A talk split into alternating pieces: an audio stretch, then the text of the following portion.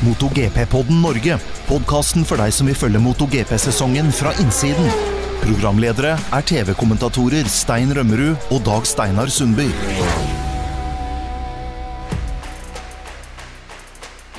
Hei igjen. Hjertelig velkommen til episode 12 i MotoGP-podden Norge. Det er en stund siden sist nå, så det er på tide å ta en liten oppsummering på hva som rører seg på innsiden av MotoGP-paddocken. Og velkommen til deg, Dag Steinar. Tusen takk, Stein. Det er alltid hyggelig å være tilbake. Og til helga så er det MotoGP-løp igjen. Det er VM-runde nummer 14. Den kjøres på Misano i Italia. Og nå har jeg øvd det offisielle navnet. Eh, det er Gran Premio Gryfyn di San Marino e della Riviera di Rimini. Det er ikke småtteri.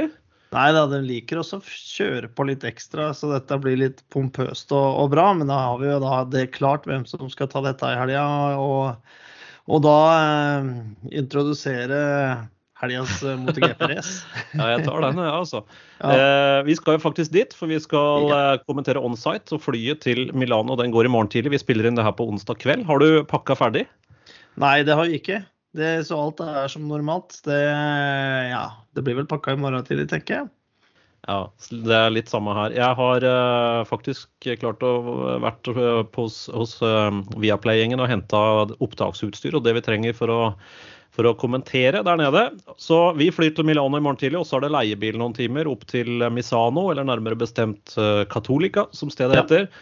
Gleder meg til det, altså. Det blir veldig bra. Um, I dagens podkast så har vi tre forskjellige deler. I del én så skal vi oppsummere litt hva som skjedde i forrige VM-runde i Østerrike og VM-stillingen.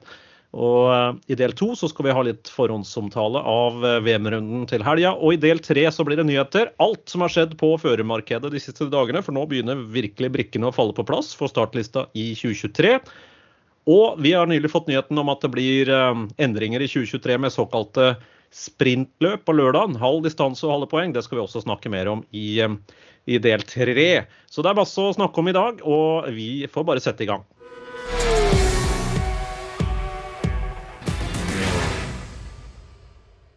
Østerrike Grand Prix ble som alltid et skikkelig bra løp. Red Bull Ring, masse bra racing og ja, kanskje det morsomste løpet i Moto 3, syns jeg. Det var jo ordentlig rock'n'roll. Ja, det var det. Det var jo eh, Det var jo bra alle klasser, men det at det var eh, så trøkk Det er alltid trøkk i motor 3, men at det blei eh, Det resultatet det blei, da, med to japanske førere i topp, det er det jo veldig lenge, lenge siden det har vært sånn. Så det Og det med to Jeg vet ikke om Sasaki hadde én eller to long lap penalties. To. Ja, to var Så To long lap penalties. Og enda så vinneren. Det er vel, Ja. det er vel bare et tegn på at den, eh, den straffeformen der, den funker jo ikke. For du kan jo du får jo en haug med sånn, og enda vinner du. Ja. Det skal jo gjøre litt vondt. Det skal gjøre litt vondt, da. Det gjorde det sikkert, ja, men han hadde det ekstra travelt da på søndag. Og det hjalp jo.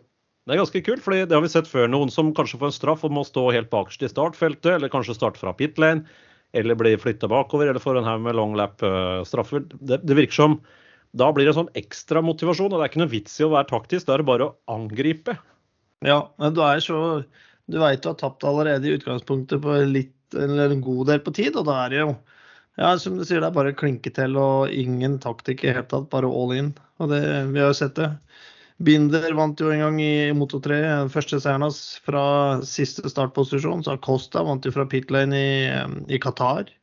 Så eh, det er alle muligheter. Bare Ja. bli fyra opp nok. Det er det som er så bra med denne sporten her òg. Det er ingenting som er avgjort på forhånd. Og det er som eh, eh, Nikki Hayden en gang sa, det er jo derfor vi stiller til start på søndag. Fordi det er jo ingen som veit hva som kan eh, komme til å skje.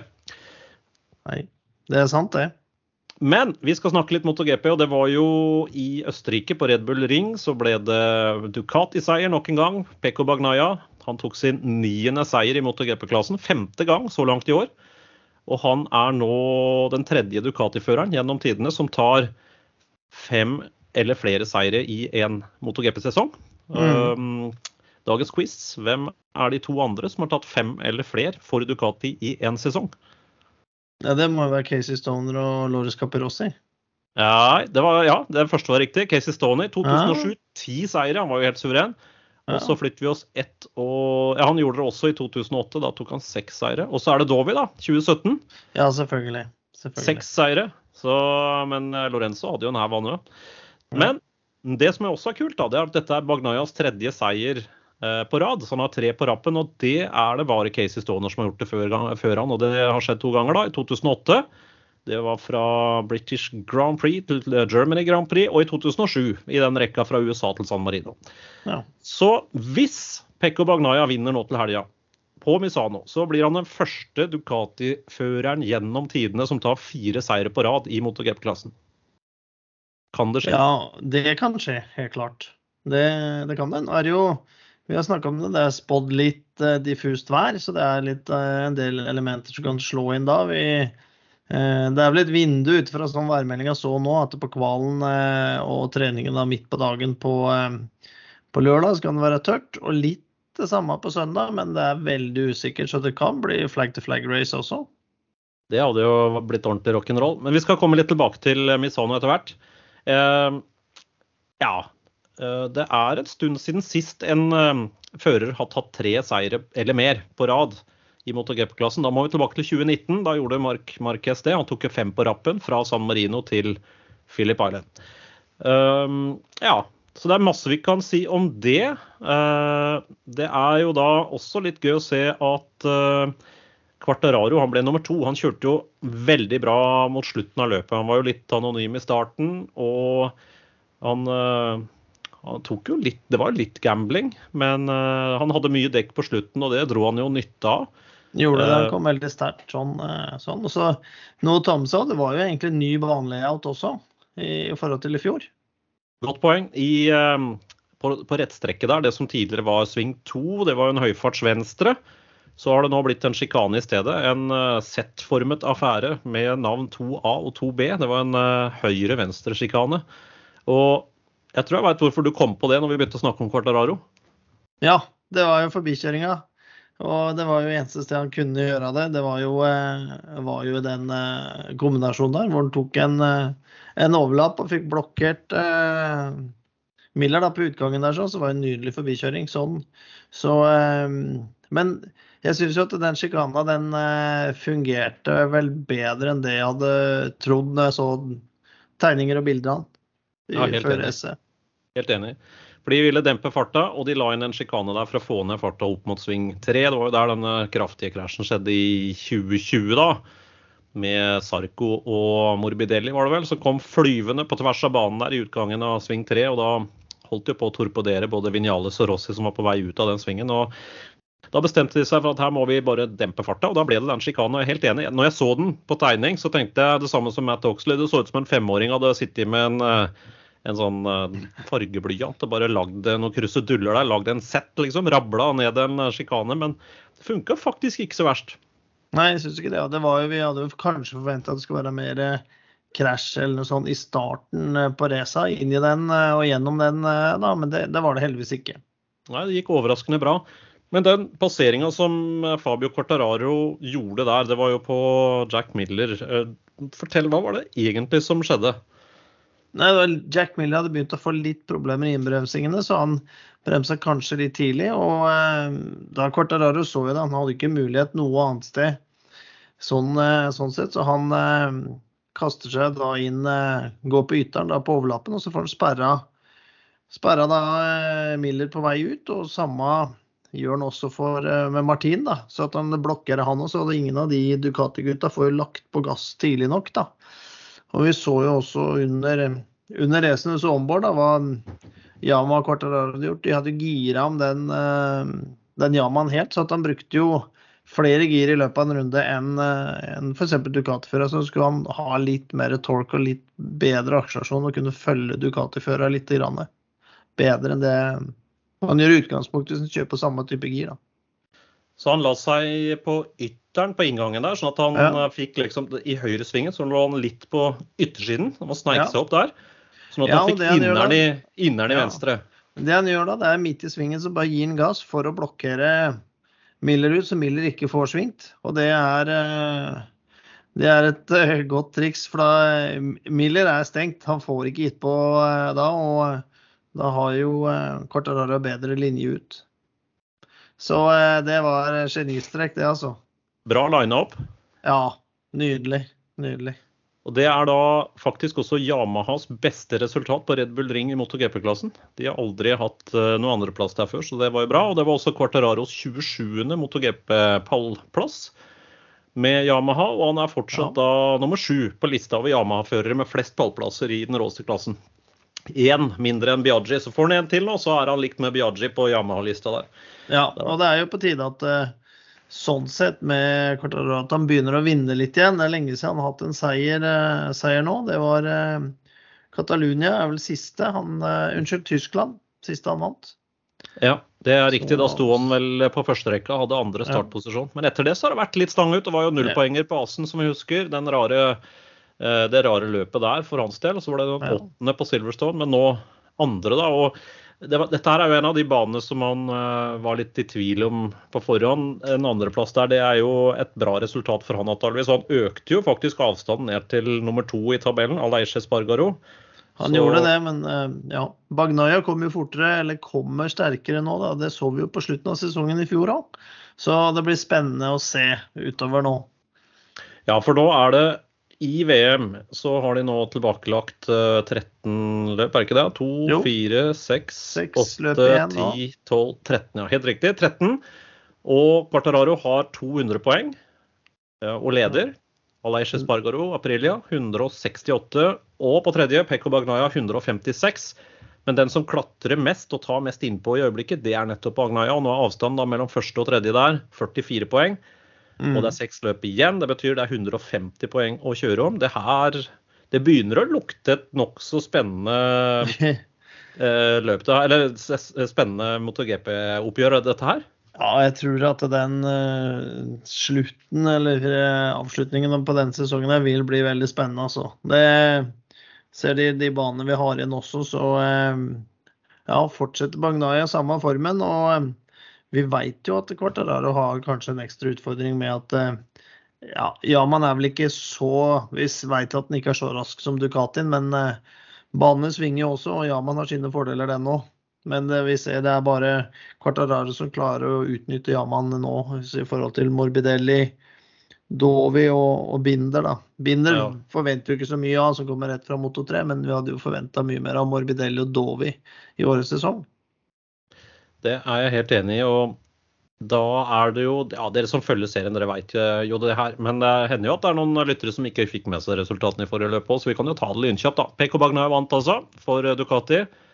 Og på andreplass Fabio Cortararo. Han var ikke langt bak. Vi snakker altså da 0,48, altså et halvsekund bak. Mm. Så han kom veldig sterkt på slutten. Og så ble det jo da faktisk Jack Miller på tredje med Ducatien. Og det er den femte pallplassen hans eh, så langt uh, i år. Han var jo på pallen i USA, der fikk han tredjeplass. Og så ble det vel en andreplass i Frankrike.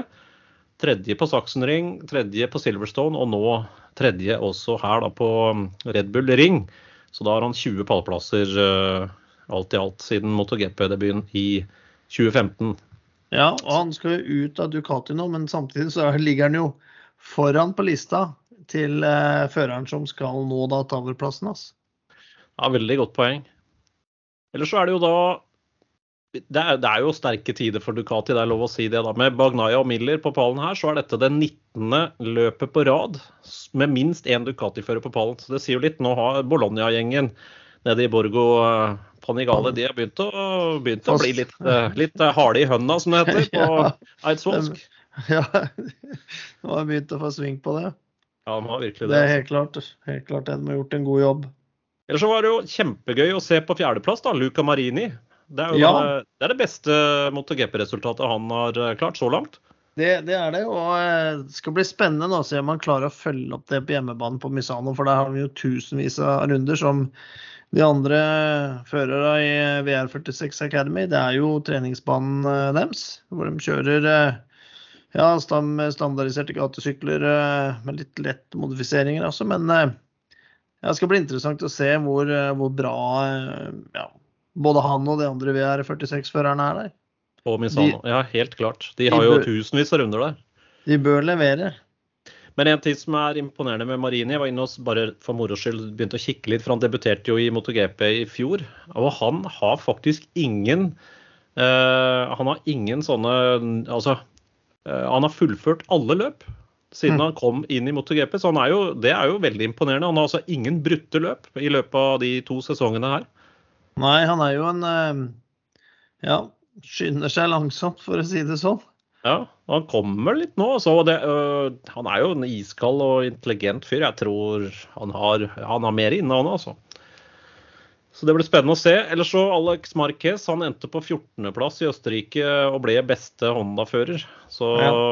det er også siden åpningsløpet i år da, i Qatar. Da kom jo Paul Espargaro på tredje. Så har ingen Hondaer vært på pallen i tolv løp på lang. På, på, på eh, Hva heter det? På rad. Ja, på Og rad. de, og det er den lengste sekvensen gjennom tidene der, en, um, der det ikke har vært Honda på pallen. Eh, Siden de returnerte på heltid til toppklassen i GP 500 i 1982. Så det er, eh, dette er skikkelig trist for Honda. Ja, det er skikkelig nedtur, og det ligger jo sist også i konstruktørmesterskapet. og ja, Hadde vi sagt det for et par år siden, så ingen hadde trodd at det var mulig. Nå var eh, Mark Marquez tilbake på, på Red Bull Ring der på torsdag-fredag for å gå gjennom ting med teamet og snakka med både Pål Espargaro og Bradel. Han er veldig fan av Bradel og vil gjerne ha han til å fortsette som testfører. Eh, Det funker veldig bra. Men han har eh, valgt å ta en mer aktiv rolle nå. Og til eh, comebacket da også at han er mer med i prosessen. Og nå har han jo kjørt sykkel nå. CBR 600 om han var på Aragon han har testa, så han kommer nok til å kjøre den kjøre noen runder på testen nå på mandag etter GP-runden på, på Misano. Oh, det er spennende. Da er han snart tilbake. Da er det vel noen og enhver i, i paddocken som begynner å grue seg litt, tenker jeg. Ja, det, men vi får se, da. Jeg håper virkelig at han kan kjøre uten plager. Og uh, han er jo fremdeles den uh, Honda-føreren som er best plassert da, i årets sesong. Så har han kjørt så lite løp. Det sier jo det hele.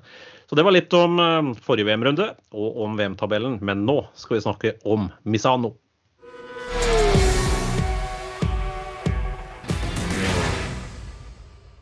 VM-runde 14, Misano.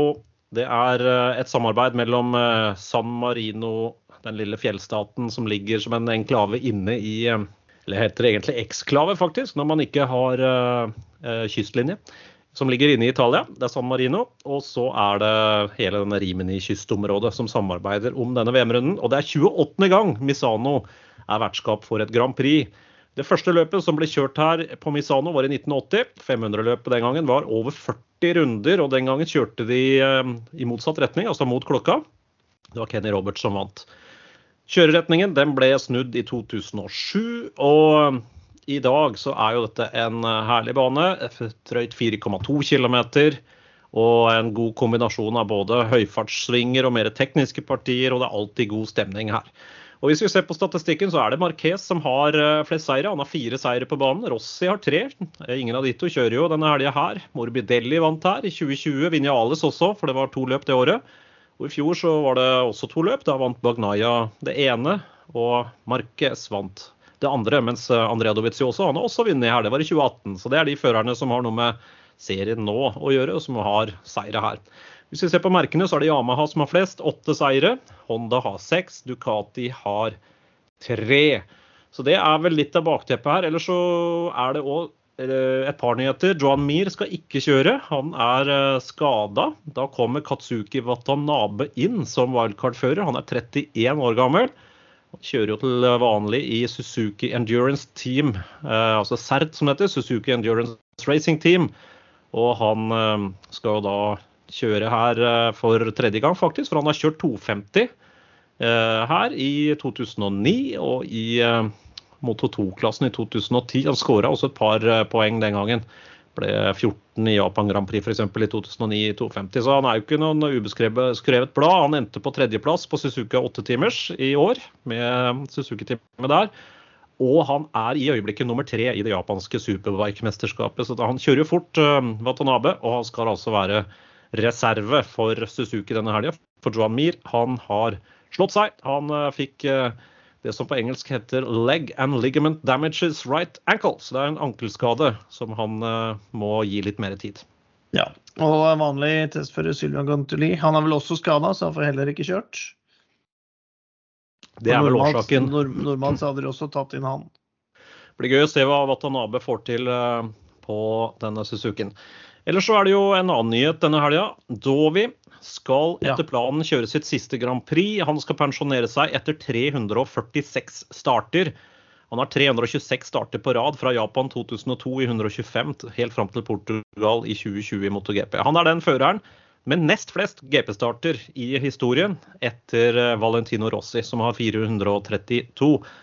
Eh, og med 248 klasser i den råeste klassen, så er dette den føreren med nest flest uh, MotoGP eller 500 starter, da, etter Rossi, som har 372. Så det er vel det. Hvis vi ser litt på nybegynnerne da, i MotoGP, så er det bare én av de fem rookiene vi har i år som har vunnet et GP her på Misano i de mindre klassene. og Det var Raúl Fernandes i Moto 2 i fjor, fra Pole. Men eh, bortsett fra Darren Binder har alle de andre nykommerne tidligere stått på pallen i de mindre klassene her. Så det er vel det. Ellers så, vi, før vi slipper Joan Mir helt og fullt, han har jo Jeg antar at de fleste hører på den podkasten her på torsdag, og da kan vi jo, om vi ikke skal synge bursdagssanger, så kan vi i hvert fall ønske han gratulerer med dagen, for han fyller 25 år på torsdag, altså torsdag 1.9. Så gratulerer til Joan Mir. Ja, også nysigna kontrakt har han. Det har han også. Det er jo, vi skal jo inn på nyheter etterpå, så vi kan jo ja, vi skal, skal, vi bare la den være en sånn cliffhanger? Han, han har en nysigna kontrakt. Vi kommer tilbake til hva det er. Ehm, så har vi tenkt å snakke litt om VM-favorittene. da, fordi Nå er det VM-runde nummer 14, som sagt. Og det er jo Quartararo som leder mesterskapet. Det ble kjørt ehm, ja, Han har kjørt der flere ganger. Litt varierende resultater. Han eh, kjørte jo også det første MotoGP-løpet sitt her i 2019. Og da kom han på pallen. Han ble nummer to. Da sto han på førsterekka og Leda faktisk deler av løpet, men han ble passert av Mark Marquez og endte på andre. Uh, året etter, i 2020, så krasja han i løp 1. Det ble jo kjørt to løp her i 2020, den pandemisesongen. Krasja i løp 1, men han ble nummer tre i det andre løpet. Og I fjor så var han også på pallen i begge løpene her. I, um, på San Marino Grand Prix så var det første som ble kjørt her. Så kvala han, kval han seg uh, inn på tredje og ble nummer to i løpet. Um, mens i Emilia Romagna Grand Prix i fjor så kvala han inn til 15. Og det var fordi beste rundetidene hans ble kansellert. Han hadde vært ute på det grønne. Og det var da det dårligste kvalresultatet han hadde så langt i MotoGP. Men han klarte å kjøre helt opp på en tredje. Så ble han eh, forbipassert av Bastianini helt på siste runden, og det gjorde at han endte på fjerde. Men det var noe annet som skjedde i det løpet, fordi Pekko Bagnaya han krasja, og da var det klart. Da ble han verdensmester i 2021 her på Misano Fabio Quartararo. Så han har gode minner herfra. Det var jo her han feira uhemma for et år siden.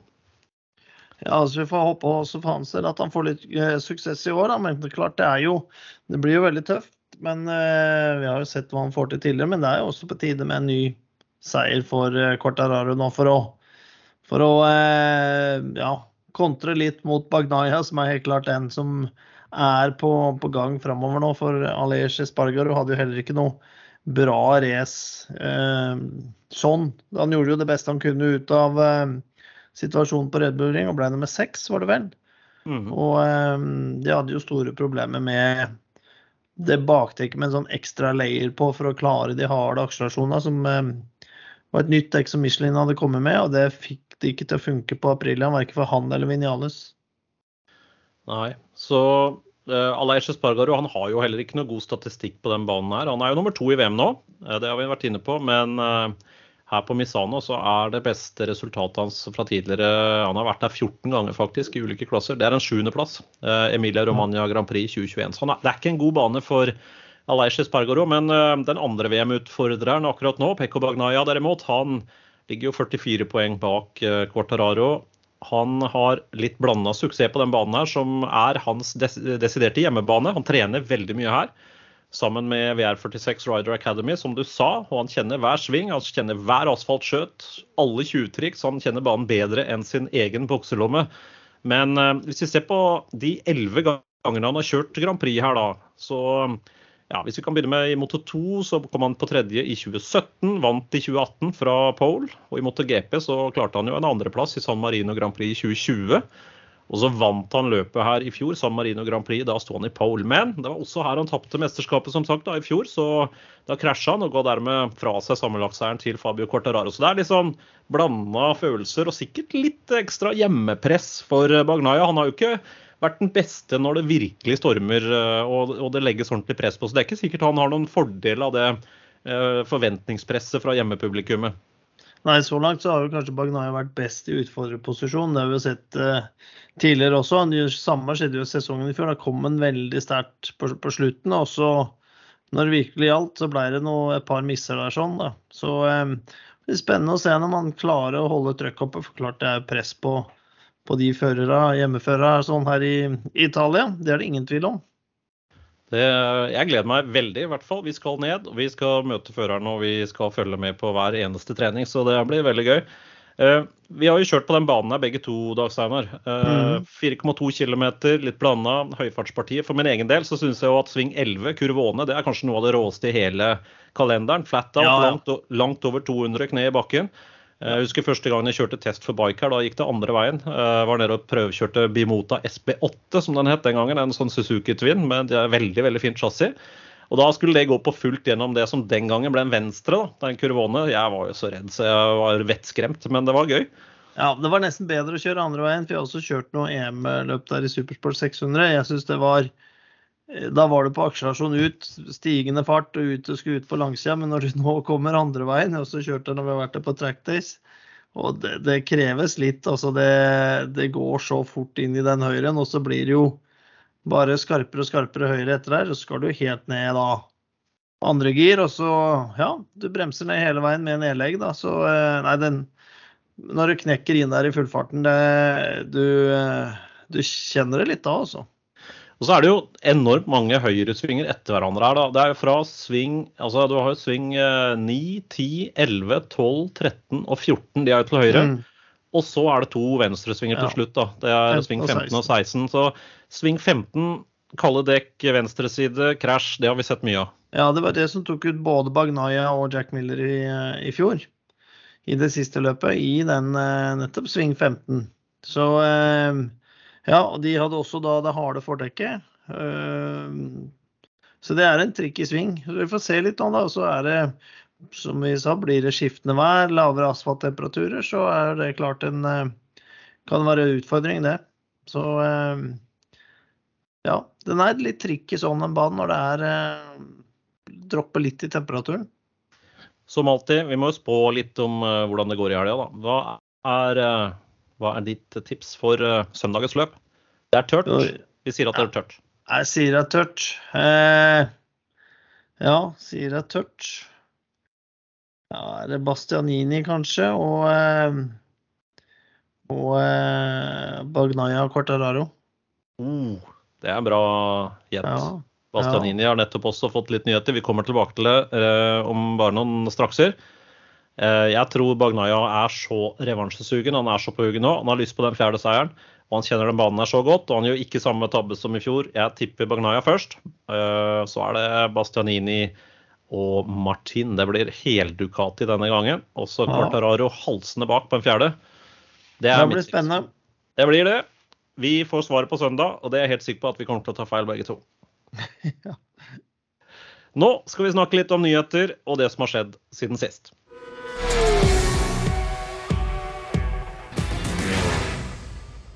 Nyheter. Det har skjedd masse siden sist. Uh, vi kan jo begynne med å se litt på førermarkedet, for nå begynner brikkene virkelig å falle på plass for startlista i 2023.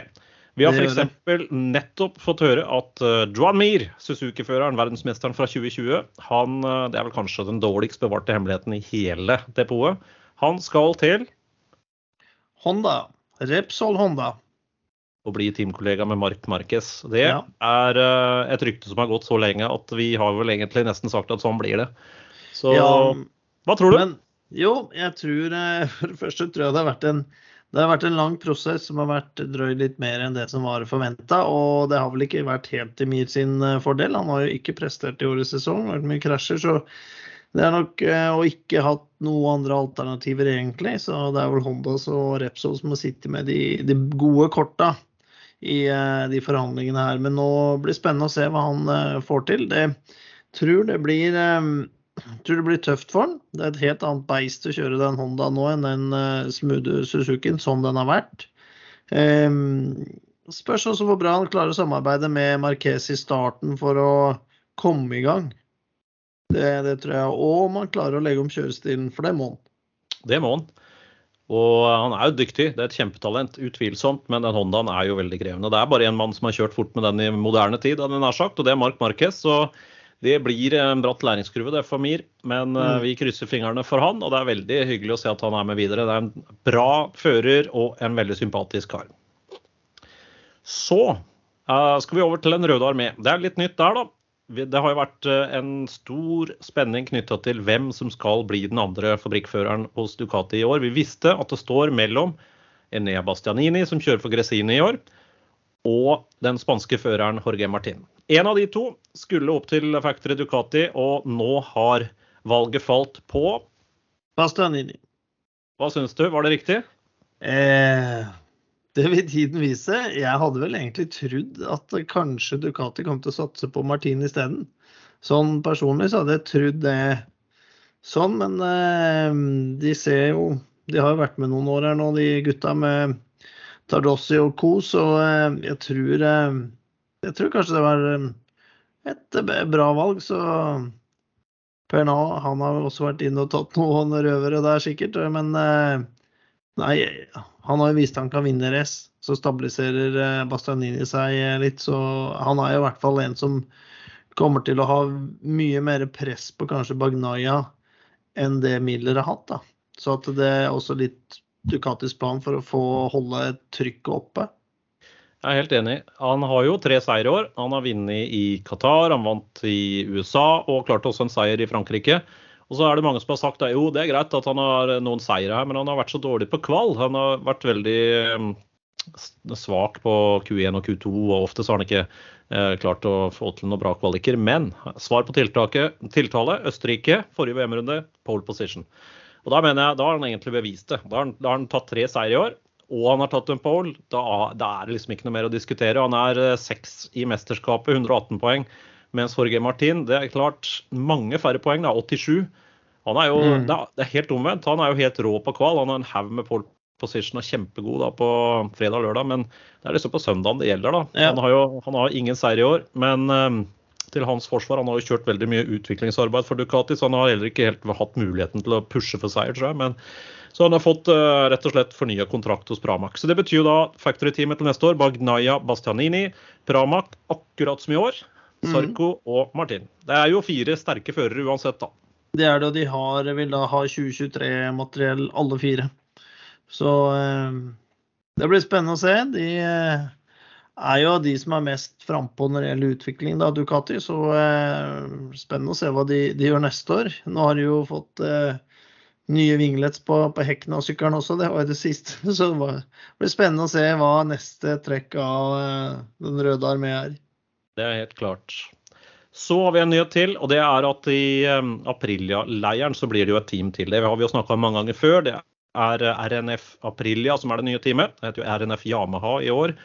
Og det er eh, Raslan Rasali, den tidligere topplederen for Sepang International Circuit. Det var jo han som klarte å få Petronas inn og starta Petronas Yamaha-team i sin tid.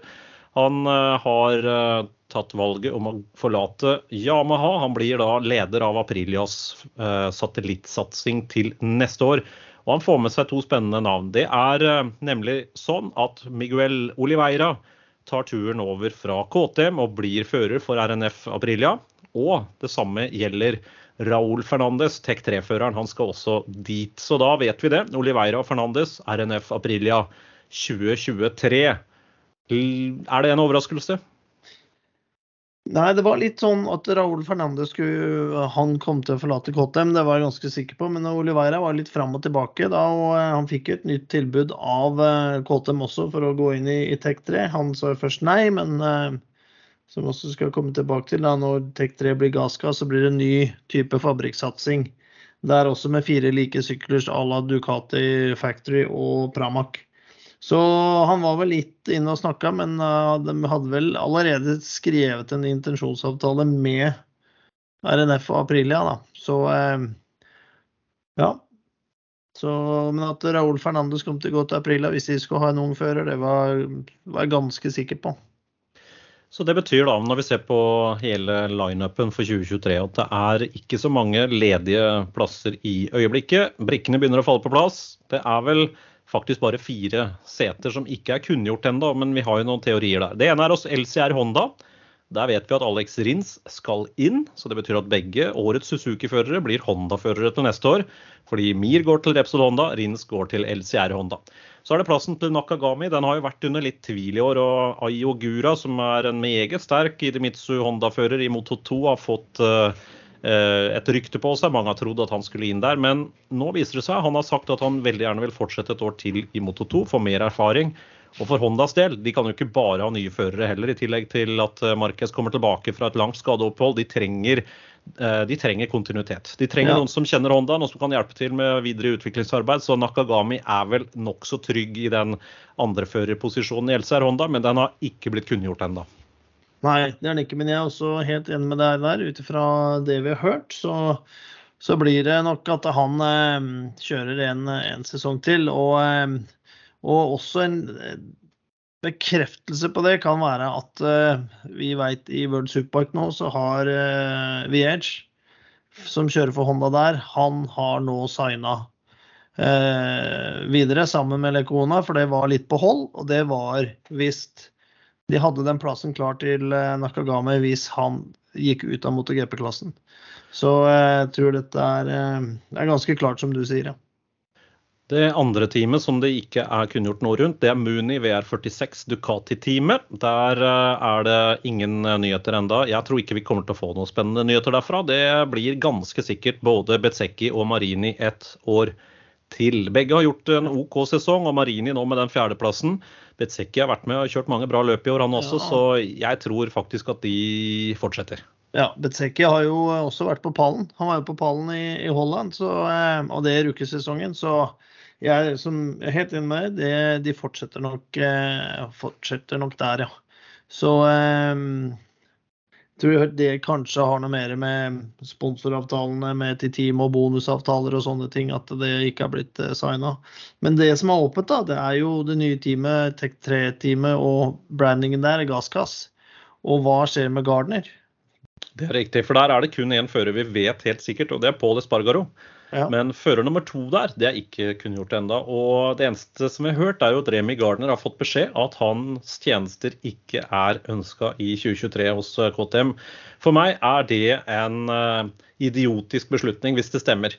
Uh, Remi Gardner han er fargerik, han har dybde, han er en kul fyr, han kjører bra. Han står for noe helt annet og er et friskt pust sammenlignet med ja, den armadaen med broilere fra Italia og Spania. Ja. Hva syns du? Ja, jo, nei, jeg er enig. Og så ser vi nå, Han har jo vært raskere enn Raúl Fernandes nå eh, gjennom hele sesongen. og Vi så også på da, da fra Østerrike hvor, det, hvor Garner hadde en krasj og kom tilbake igjen. og så Sluttida den, eh, Det skilte jo kanskje en fem-seks sekunder, ja, litt mer. Ja, sju sekunder skilte det vel imellom da Raúl Fernandes på en eh, 18.-plass og Remi Gardner da på en eh, på en 20. Så um, ja. Så, ja, nei. Eh, vi får se hva som skjer der. Det er, det er vanskelig å si. Er, uh, vi har flere førere da, som jo egentlig nå er på jakt etter en plass. Vi har uh, selvfølgelig Darren Binder. Mye tyder på at han forsvinner helt ut av MotoGP. Og Remy Gardner har da som sagt blitt orientert, han skal ikke fortsette der. Det er jo en, en, fører som jeg har fulgt med på i flere sesonger nå, og som jeg lenge har sagt at har en framtid foran seg. Han har vunnet bra med løp i Moto 2 i år. Augusto Fernandes. Ja. Det er jo kanskje en dark horse for den plassen der. Det, det kan være. Han har jo vært på, på lista. Han har jo det. Så eh, ja. Men vi veit jo det ting forandrer seg også. Det, det, det gjør jo det helt, helt etter hvilke føre som går hvor, og hvordan dette førermarkedet mm, blir. Med, når det blir forflytninger, så kan hende at uh, Garner blir tatt inn igjen i varmen hos, uh, hos uh, da, KTMs ledergruppe. Da, og når de skal kjøre da med branding, gasgas og Tech 3. Jeg håper virkelig det. Han har fortjent det. Han er en, som sagt en bra fyr. og Det hadde vært trist hvis eh, MotoGP-serien måtte la han gå. Jeg tror ikke han er interessert i å gå ned igjen til Moto 2. Han har vunnet VM der. Hvorfor i Ja. alle dager skulle han fortsette med det? Da er nok Superbike-VM mer eh, interessant for han hvis Ja, han jeg- finner en, et bra team der. Jeg tror det. Jeg tror det. Det får vi helt sikkert svar på i eh, tiden fremover, men da betyr det jo at de fleste av brikkene som sagt er, eh, er lagt. Det er mange bra team her. Aprilia også, med Aleish Espargaro og Maverick Vinales i spissen. Vi har Bastianini og Bagnaia hos Factory Ducati. Vi har Quartararo og Franco Morbidelli fortsatt da hos eh, Yamaha. Og eh, hos eh, Honda så blir det Alex Marquez og Joan Mir som skal kjempe på vegne av fabrikken. Så vi gleder oss til 2023, men før det også er det løp i eh, Misano i morgen. Men det kom en annen nyhet eh, også nå foran eh, denne VM-runden, og det er at fra og med 2023 så skal det kjøres sprintrace på lørdager.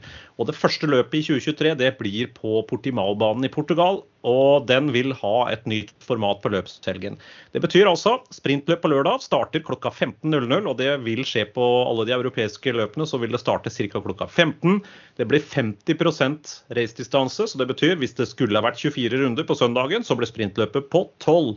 Og Poengene de deles ut på følgende måte. Vinneren får 12 poeng, andreplass 9, tredje sju. og så er det bare å telle seg nedover til niendeplassen som får ett. Så de ni første førerne får poeng. Hensikten er vel for å dra opp interessen både på, blant TV-seerne, men også på publikumssiden på lørdager. For det har vært litt fallende tall på noen av VM-rundene rundt det. Og ja, dette har jo blitt gjort både i Formel 2, Formel 1, World Superbike. Dag Steinar, hva syns du?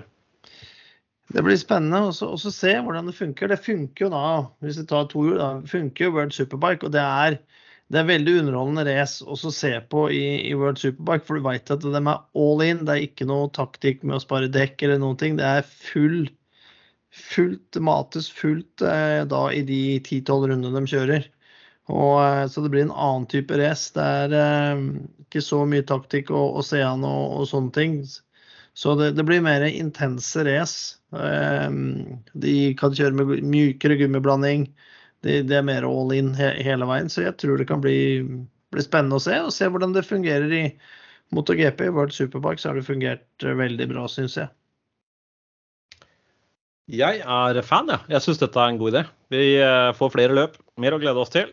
Mer moro å kommentere, mer moro å se på. Så det er tross alt showbiz, dette her. Så hvis det har vært eh, problem på lørdag med fallende interesse blant tilskuere og seere, så er dette et kjempebra grep, tror jeg, da. Men det blir jo, som du sa, det blir ikke noe taktikk. Her blir det jo bare maksimum attakk fra første stund. Ja. Det blir hektisk. Skikkelig hektisk. Det, det, det gjør det. det er det også da, som sagt, hvis jeg ser over til Superbike, det er mye mer hektisk. Det er mye mer harde fighter med, med en gang. Og det er flere som, som er med. For den, eh, den delen med den forskjellen på fører til å ta vare på dekka sine, den er ikke så viktig. Så det er mer å gå på fullt trøkk hele tida. Kvalformatet blir det samme som nå. Det er FP1 og FP2 som avgjør da sammenlagt på combine-lista der hvem som skal kjøre i Q1 og Q2. Og startoppstillingen blir lik i sprintløpet og søndagens løp, som fortsatt er høyde, høydepunkt i hver VM-runde. Foreløpig så er det jo faktisk 22 løp inne på, eller 22 VM-runder inne på kalenderen for 2023. Og det betyr jo da potensielt 44 race til neste år. Det blir, eh, det blir mye å jobbe med. Det, det gjør det. Det blir, eh, det blir en lang sesong og hard sesong for føra. Så eh, ja, der er det mye på den. Også den som klarer å holde formen best gjennom hele sesongen. For det er ingen tvil om at det her er helt på limiten nå. Og de, de får ikke gjort noe annet enn å være top shape hele året. Og høy risiko for skader, selvfølgelig. Det får store Ja. konsekvenser da, hvis du pådrar deg en skade i en hektisk del av sesongen og går glipp av mange både sprintløp og hovedløp. Kan fort bli litt avstander i tabellen da. Ja, det er, det er flere faktorer som, eh, som faller inn og kommer på her, sånn, som eh, man må ta hensyn til. Da. Og det er jo som du sier, det er en risiko. Du kan tape mye flere race nå. Men eh, Sundby, nå begynner det å bli seint. Vi skal pakke eh, bager og eh, printe papirer og i det hele tatt. Ja. Pusse pass. Pusse Ja. og pusse tenner. ja. Så det er viktig. Så Ja. vi får begynne å gå inn for landing. Er det noe viktig tema vi har glemt her, eller?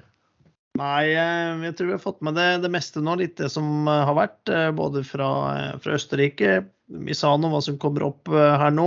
Helt annen type bane igjen. Og så har vel fått med oss de nyhetene som, eh, som har vært. Så eh, Det er jo den brandingen da fra KTM Tech3 til GasGas eh, som, som også er nytt. Det er godt poeng. Det blir jo fortsatt en KTM i bånn der, og den skal visstnok da Det blir ikke som Huskvarna og, og um, eh, ja, Huskverna f.eks. i Moto 3, da, som jo tar poeng for Huskverna, uh, eller Mm. Gass Gass. Det her blir jo en KTM, og den vil plukke poeng i merkemesterskapet som en KTM, men den vil være branda som en Gass Gass. Ja. Og så kom jeg i fare for da, i forrige sending å si at gasskassa er italiensk. Det må jo bare ha vært uh, ja, Jeg vet ikke hva jeg skal skylde på engang, men det er jo selvfølgelig et spansk merke. Men KTM har kjøpt det. De Ja. produserer 25 000 enheter i året allerede, så det, er jo, det går så det plystrer der. Vel, da skal vi som sagt øh, pakke snipesken og sette nesa og forhjulet rett mot øh, Misano. Eh, Vi skal gå inn for landing. Vi takker for at du lytter på MotoGP-podden Norge. Og husk å abonnere på podkasten vår. Trykk eh, følg, enten du hører på Spotify eller på Apple Pods eller hvor det, nå måtte være. Og vi blir enda gladere hvis du sender linken eh, på podkasten til eh, flere racingfans. Vi har fått en del hundre lyttere. Skulle ønske at lyttertallene var eh, enda litt eh, høyere, så bidra gjerne. Da blir vi kjempeglade. Eh, Det er faktisk også mulig å sende inn spørsmål. Kan gjerne sende det da som en MP3-fil. Eh, ta det opp med mobilen din og send det av gårde til stein at motorgp.no med spørsmål. Hvis du har noe du ønsker vi skal ta opp, så kan vi klippe inn spørsmålet ditt rett i podkasten. Det er kult. Så skal du få dine 15 seconds of fame. Um, ja, håper vi ses da på Viaplay og V-Sport 3 til helgen. Hvis eh, flyet holder seg oppe og leiebilen holder seg på hjula, så skal vi være på plass, vi, i Misano. Så i mellomtiden eh, Takk for nå. Eh, og som vi alltid pleier å si, kjør vakkert, men safe. Det er høst nå, folkens. Det er blitt kaldere. Det begynner å komme litt løv på asfalten, så vær forsiktig med gassværen. Eh, det var vel det. Takk Det for var nå. det. Ha det bra. Vi ses i morgen, Dag Steinar. Det gjør vi. Ha en Ha god det. kveld. Ha det. Du har hørt MotoGP-podden Norge med programledere Stein Rømmerud og Dag Steinar Sundby.